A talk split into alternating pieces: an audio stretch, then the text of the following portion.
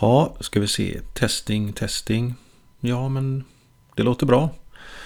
Och då tror jag bestämt att vi har kommit fram till det femte avsnittet av Rockormen. Som så sakteliga slingrar sig fram. Och har man en podcast som till huvudsak handlar om classic rock. Ja, då måste man förr eller senare ha ett avsnitt som handlar om Dio. Dio, min Dio. Ett sånt decennium. När Ronnie Ronny James Dio dog i maj 2010 utav magcancer så kunde han blicka bak på en sällsynt lyckad karriär. De sista åren så återförenades han framgångsrikt med medlemmarna från Black Sabbath fast då under namnet Heaven and Hell. Hans egna band Dio hade han dessförinnan lyckats hålla liv i trots ett stort antal skiftande medlemmar och begränsad framgång. 90-talet hade varit tufft för gruppen så som det hade varit för många andra legendarer med långa karriärer. Ursäkta. Men under i stort sett hela 80-talet så hade gruppen Dio tillhört toppskiktet av hårdrocksband och Dio själv hade hunnit med att bli en hårdrockslegend under sin livstid. Och denna legend är till stora delar uppbyggd av och kring åren 1975 till 1985. Ett fullständigt makalöst decennium som jag strax ska gå igenom. Tre stycken grupper förhäxade mig i unga år. Och med förhäxat så menar jag till exempel att man drömmer om gruppen och deras skivomslag.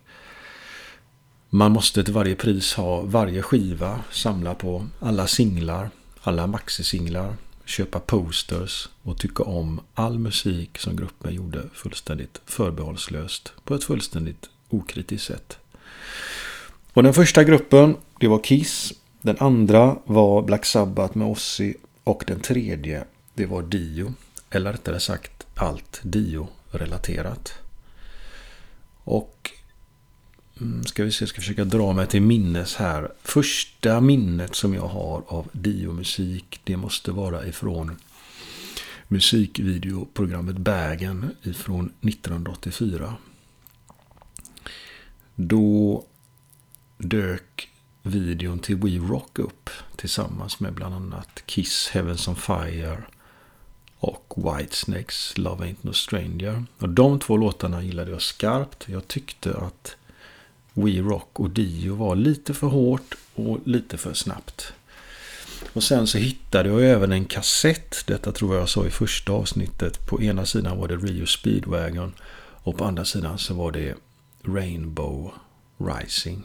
Där eh, Dio visade sig sjunga. Eh, första gången jag hörde Richie Blackmores Rainbow, det var hos Ulf och jag fastnade direkt för Man on the Silver Mountain och Temple of the King.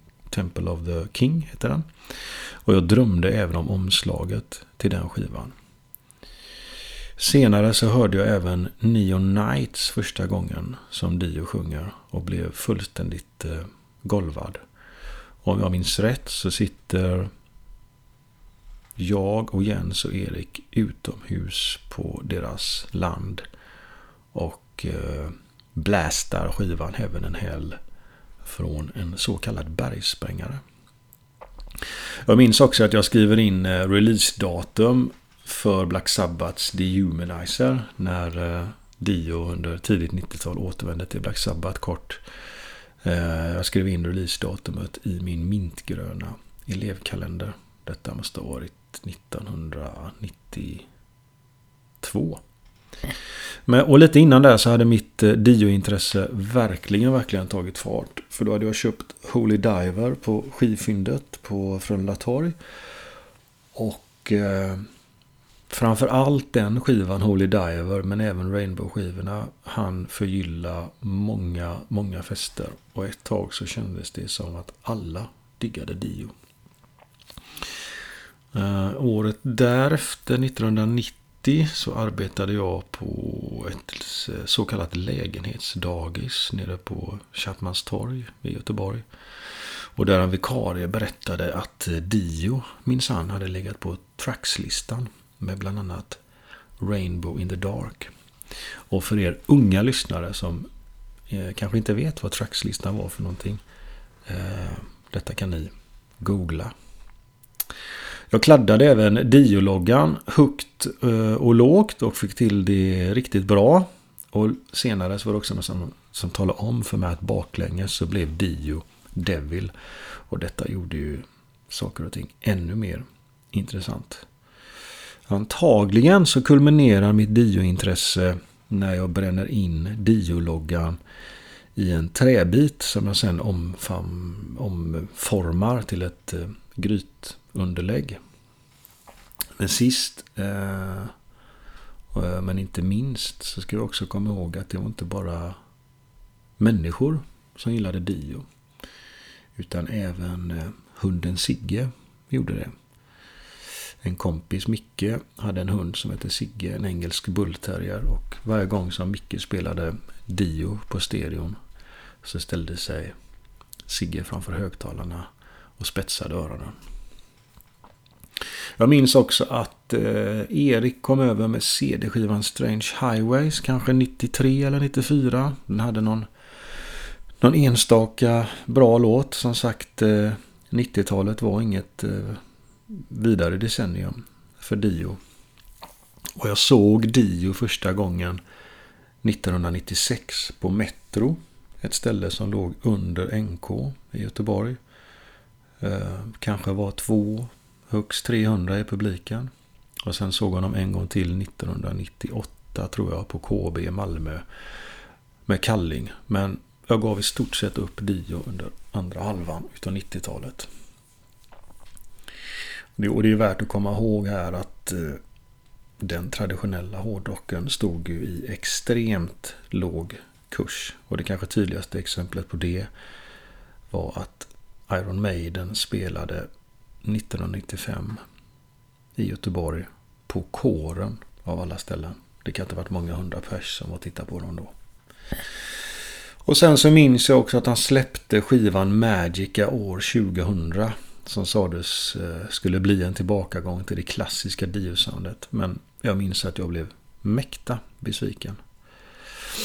Och pratar man om Dio så dröjer det inte länge för man pratar om Dios röst. För han hade, med risk för lite klyschigt här då, men en röst som faktiskt inte likade någon annans. Speciellt inte om man jämför med 70-talets giganter. Robert Plant eller Ian Gillan, eh, Marriott Winwood, David Byron från eh, Uriah Heep. Som ofta la sig till med höga skrik och ofta var influerade utav eh, bluesartister. Men eh, Dio hade en total avsaknad av bluesinfluenser. Ibland kan jag tänka att han hade en total avsaknad av influenser överhuvudtaget. För så pass unik är han. Han hade en fyllig röst som när man sjunger med så märker man att oj då, det här var ett betydligt högre register än vad man tror först. Och den var dramatisk, den var aggressiv men också förvånansvärt mjuk och känslig. Från viskning till ett skrik med lätthet. Han var också väldigt duktig på att skriva riktigt bra verser och riktigt bra avslut på låtar. Och dessutom så var han extremt proffsig och pålitlig sångare live.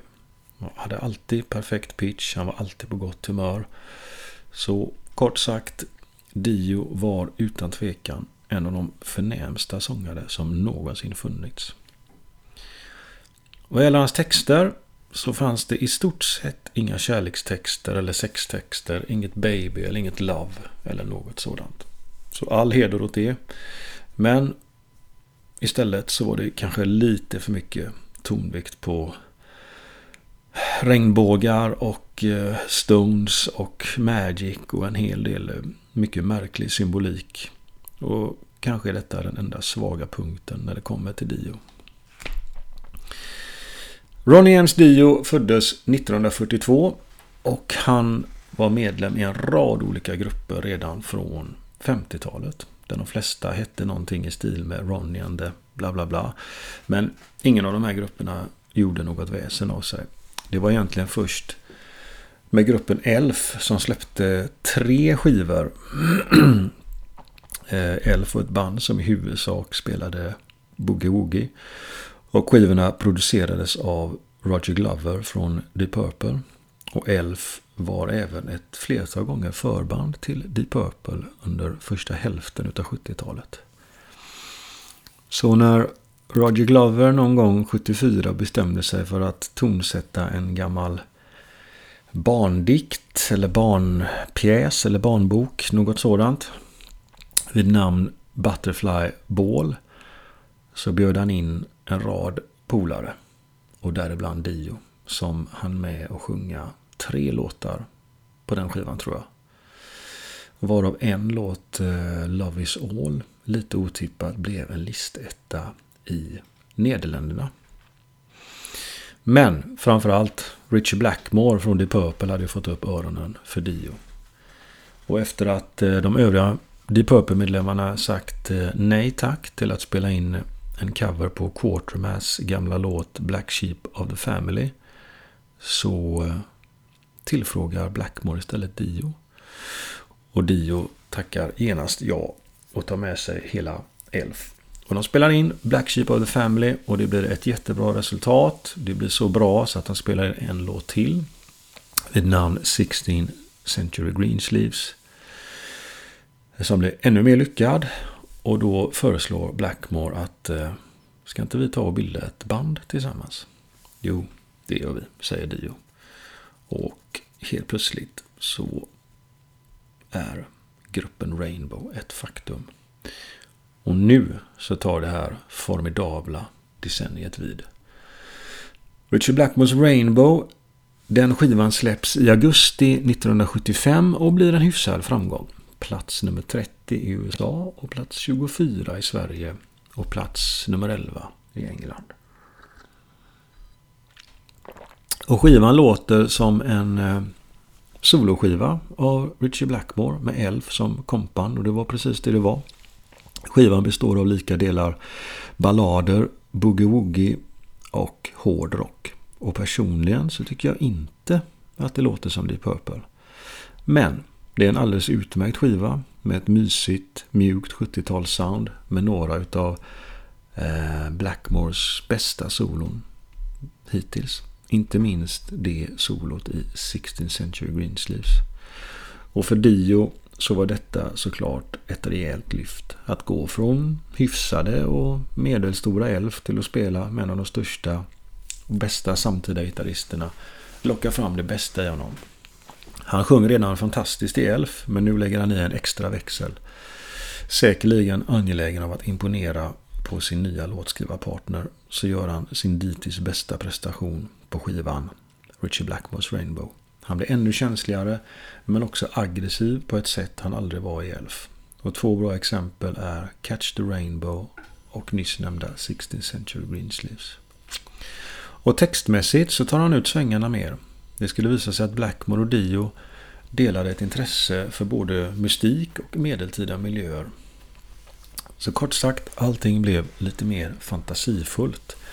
Genren Castle Rock är uppkommen. Och för Dio så måste detta varit som att dra högsta vinstlotten.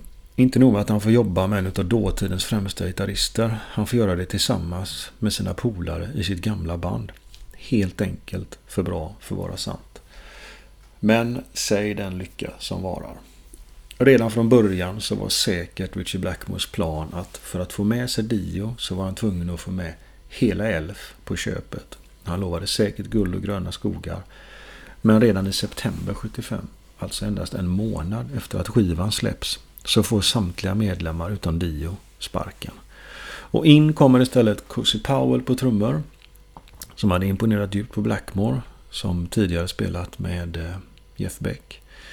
Och Jimmy Bain på bas rekryterades från det skotska bandet Harlot och den helt okända men nyss utexaminerade Tony Carey fick platsen som keyboardist.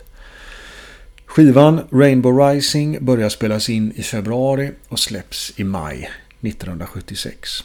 Men inte bara bandet ändrar identitet utan även musiken ändrar karaktär. Nästan som en extreme makeover. Efter ett långt och tidstypiskt keyboard-intro så brakar Tarot Woman igång och man kan direkt konstatera att musiken har fått ett rejält ansiktslyft. Musiken är hårdare, aggressivare och de har lagt mer tid på både arrangemang och produktion. Rising är mer renodlad hårdrock. Ballader och boogie-woogie är som bortblåsta. Och sida 2 utgörs av två långa stycken, totalt 17 minuter, i form av låtarna Stargazer och A Light in the Black. Stargazer har med tiden blivit ansedd som ett mästerverk. Den är svulstig, drygt 8 minuter lång och med stråkar och keyboards och komplett med en text om en trollkarl som vill titta på stjärnor så får vi njuta av en episk anrättning som doftar både Spinal Tap och briljans. Ett dumgenialiskt mästerverk om man så vill. Efterföljande låt A Light in the Black, Black, även den drygt åtta minuter lång, bjuder på långa keyboard och gitarrdueller. Och dessa två låtar utgör tillsammans fundamentet för mycket av den så kallad, kallade power metal vi på gott och ont kan höra idag. Många band har byggt sina karriärer på enkom dessa två epos, men inget band har såklart kommit i närheten. På Rising är mysigheten från första skivan som bortblåst, men skivan är stenhård och mycket, mycket bra. Och Rising säljer okej. Okay. plats nummer 11 i England och plats nummer 23 i Sverige. Bandet ger sig nu ut på en världsturné som blir framgångsrik både kommersiellt och konstnärligt. Och utan att behöva ta hänsyn till sina forna bandmedlemmar i The Purple så ger Blackmore nu sig själv fria tyglar och tar ut svängarna rejält. Inte minst i Catch the Rainbow och den gamla Mistreated från The Purple-tiden. En gigantisk regnbåge hänger över scenen och det hela ger ett mycket proffsigt intryck. Turnén dokumenteras på liveskivan On Stage. Och som sig bör är det ju en dubbelskiva eftersom varje låt tenderar att bli dubbelt så lång live som den är i studio. Det var ju trots allt 70-talet. Nytt år betyder det Rainbows fall nya medlemmar. Så nu är det dags för Jimmy Bain och Tony Carey att få sparken. Bain är inte tillräckligt snabb för Blackmore och Tony Carey, ja det vet inte fan varför han får sparken men en sak var i alla fall säker. Han var hjärtligt trött på att hela tiden bli utsatt för Richie Blackmores eh, mer och mer eh, eh taskiga så kallade pranks. De nya medlemmarna blir Bob Daisley på bas och David Stone på keyboard. Och de får omgående vara med och spela in den nya skivan som skulle komma att heta Long Live Rock'n'Roll. Den släpps i april 1978 och når som högst plats 89 i USA och plats 18 i Sverige och plats nummer 7 i England. Skivan blir synnerligen lyckad och Dio har kanske aldrig låtit bättre. Låtar som Kill the King och Gates of Babylon visar ett moget band som vet precis vad de håller på med. Men skärskådar man skivan så märker man att ett visst mått av kommersialism har smugit sig in. Titellåten Lonely Rock'n'Roll och den svängiga LA Connection och balladen Rainbow Eyes vittnar om detta. Detta var ett medvetet drag från Blackmore som tröttnat på att Rainbow knappt gjorde något väsen av sig i USA. Balladen Rainbow Eyes är förvisso förträfflig, men lyssnar man noga så kan man höra hur Blackmore vrider armen på stackars Dio som försöker låta så ljus som möjligt. Det hela känns lite obekvämt. Hur som helst så blir skivan en artistisk framgång, men försäljningssuccén uteblir. Knappt topp 100 i USA känns för futtigt för den förre Deep Purple-gitarristen. Gruppen har precis gjort sin förnämsta skiva, men Blackmore har bestämt sig. Gruppen behöver en hit. Dio vägrar lyssna på det örat och splittringen är ett faktum. Poppiga kärlekslåtar, ingenting för honom. Det skulle sen visa sig att Rainbow skaffar sig en rad faktiskt ganska så poppiga men framförallt stora hitlåtar. Men det är en annan historia. Har det någon gång funnits ett tomrum att fylla, en sångare att ersätta, så är det nu. Och timingen är perfekt och förutsättningarna är så självklara. Och jag pratar såklart om Black Sabbath. Ozzy hade straffat ut sig för 51 gången i ordningen och hade nu stängt in sig på ett motellrum med sällskap av enbart pommes frites och kokain. Så kort sagt, Sabbath står utan sångare. Dio och Tony Iommi, alltså gitarristen från Black Sabbath, träffas i Miami och börjar skriva tillsammans omedelbart. De klickar såväl personligt som musikaliskt och första låten som de skriver ihop är Children of the Sea. Sen går det fort och innan någon hinner säga flaska så står skivan Heaven and Hell klar. Det hade varit en sak att bara sjunga i Rainbow. Där behövde ju Dio inte ersätta någon eller fylla någon skor. Men nu hamnar han i ett läge där han garanterat blir jämförd med sin föregångare. Och dessutom en så älskad frontman som Ozzy. Och som är så... Ja, vars röst är så intimt förknippad med ett band och dess musik. Så när man lyssnar på Heaven and Hell idag så är det nästan svårt att greppa med vilken självklarhet och pondus och självförtroende som Dio glider in med. Dio var säkerligen inte ett dugg nervös inför eventuella jämförelser. Inget fel på Ozzy, men här sjunger Dio skjortan utav honom. Speciellt i skenet av att Black Sabbaths två senaste skivor var lite halvdana och Ozzys insats kanske kan beskrivas som halvhjärtad. Skivan är snudd på ett mästerverk och Dio låter nu mer ondsint och aggressiv än någonsin förr. Ja, nästan lite revanschsugen. Man kan med fog säga att han äger på den skivan. Skivan blir en stor succé och den bäst säljande Sabbath-skivan sedan 1975. Det är så för många band kritiska sångarbytet kunde inte ha gått bättre. Musiken är överlag eh, snabb och hård, kraftfull och många gitarrsolon. Det står klart att Sabbath har sneglat på sina samtida yngre konkurrenter såsom Maiden och Judas Priest och Saxon. Visst fanns det fortfarande de som gapade efter Ozzy, men Dio lyckades över tid vinna även bilackarnas hjärta och förtroende. Till viss del så tappade nu Sabbat sin originalitet. De blev bara ännu ett heavy metal-band i mängden. Men det spelade mindre roll eftersom det nyskrivna materialet höll så hög klass. Och det skulle även den efterföljande skivan Mob Rules visa sig göra. Nu hade trummisen Bill Ward fått nog och kastade in handduken på grund av personliga skäl. Och personliga skäl i det här fallet betyder alkoholism. In kommer istället, på rekommendationer från Dio, Vinnie Appice som spelar om möjligt ännu tyngre än Ward. Och med en mer överdriven produktion komplett med ljudeffekter och instrumentala läskiga ljudkollage så blir Mob Rules en mer ondsint och mer metallisk skiva än sin föregångare. En eh, Heaven and Hell Deluxe med en krydda Spinal Tap om man så vill. Och apropå Spinal Tap och filmer om hårdrock så får det brutala titelspåret vara med i filmen och på soundtracket till just den animerade heavy metal. Och Mob Rules blir nästan lika bra som sin föregångare och säljer även den bra. Mob Rules-turnén dokumenteras och dubbel-live-skivan Live Evil är snart ett faktum. Ingen gapar efter Ozzy längre. Dio är accepterad. Allt går som smort. Skivor säljer bra. Turnéer är välbesökta. Men, återigen, säg den lycka som varar. Under mixningen av Live Evil så börjar medlemmarna anklaga varandra för att höja sina egna instrument samt sänka de övrigas. Jänkarna med Dio och den nya trummisen Vinnie Appice i ena hörnet och engelsmännen Iommi och Butler i det andra. Denna fade kulminerar med att Dio och Appice slutar i Black Sabbath under november 1982. Dio har nu under knappt åtta års tid hunnit vara med i två riktigt stora grupper och släppt två skivor som hyllats som mästerverk. Men nu har han fått sparken igen och står utan band och utan skivkontrakt.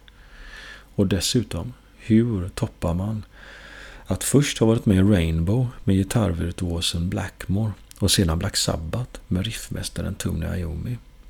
Förbannad, revanschsugen, ja kanske till och med hämndlysten, så plockar Dio ihop ett nytt band. Appice har han redan med sig från Sabbath.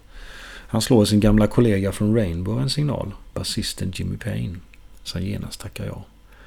Och efter en tid sökande efter en gitarrist så bestämmer sig gruppen för att rekrytera Vivian Campbell, en i stort sett okänd irländare. Gruppen är nu komplett och de skriver snabbt musiken till vad som ska bli bandet Dios första skiva.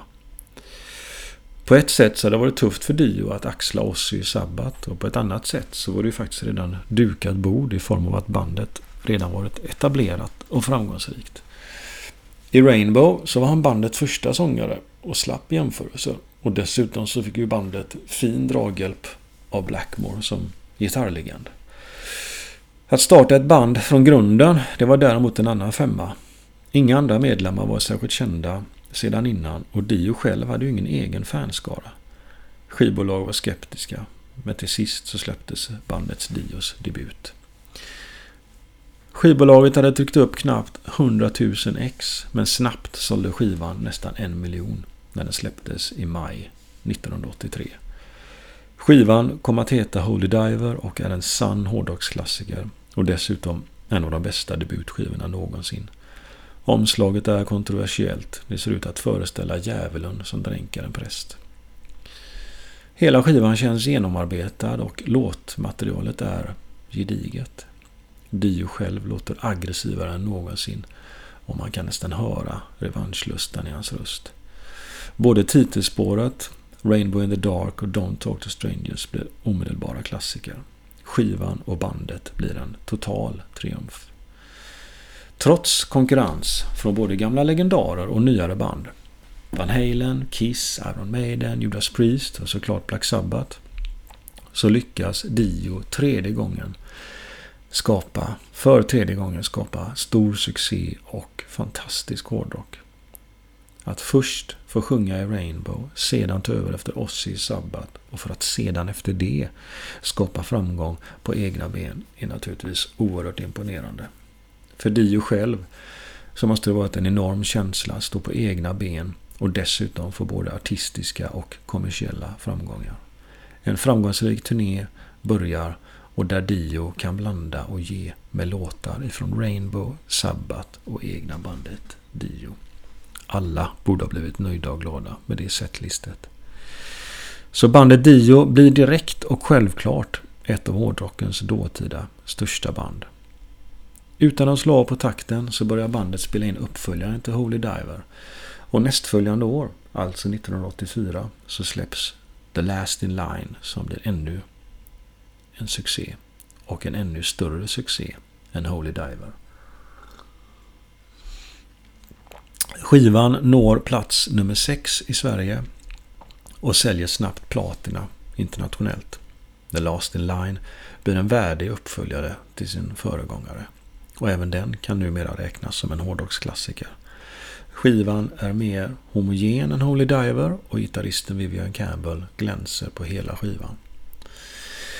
Ännu en turné följer och nu med ett egyptiskt tema. Denna turné blir också mycket framgångsrik. Bandet har vid det här laget blivit en väloljad historia och utanför konserterna så säljer bandet Dio t-shirts för hundratusentals dollar. Så varför ändra ett vinnande koncept? Sedvanligt så började det spelas in en ny skiva efter turnén. Men nu börjar det krackelera i fasaden. Bandet Dio handlar för mycket om just Dio och de övriga medlemmarna, i synnerhet gitarristen Vivian Campbell, är trött på att bara tjäna några hundra dollar per vecka. Han ser ju och vet ju hur framgångsrikt bandet är och har blivit. Och dessutom hade han blivit så lovad så mycket mer om projektet hade slagit väl ut. Och det har det gjort nu efter tredje skivan.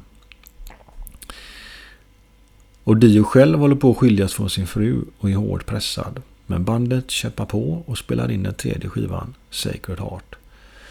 I samma veva så samlar Dio ihop typ alla hårdrockare i USA och spelar in låten Stars i ett slags hårdrockens svar på We Are The World och Band Aid. Ett fint syfte såklart, men så här efterhand så överskuggas välgörenheten av att hela spektaklet är så metal och så Spinal Tap.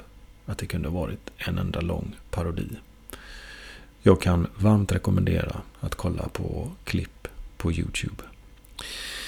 Sacred Heart släpps i augusti 85 och blir en lika stor succé som dess föregångare. Topp 10 i flera länder. Återigen plats nummer 6 i Sverige. Och turnén som följer blir den största och mest påkostade hittills. Med en eldsputande drake på scen som Dio beväpnad med ett svärd slåss emot. Det blir kanske inte mer metal än så. Dio ger Vivian Campbell ett erbjudande om löneförhöjning men Campbell blir ej nöjd och slutar snedstreck få sparken, beroende på vem man frågar, i mitten av turnén. Och därmed så är förtrollningen bruten. Det magiska decenniet är över. Originalbandet splittras och gruppen Dio skulle aldrig mer nå samma framgångar, vare sig artistiskt eller kommersiellt. Och kanske var det lika bra.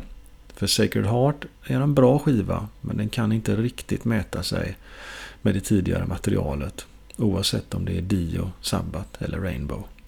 Så den får lite till nåder inkluderas här under Dios magiska decennium.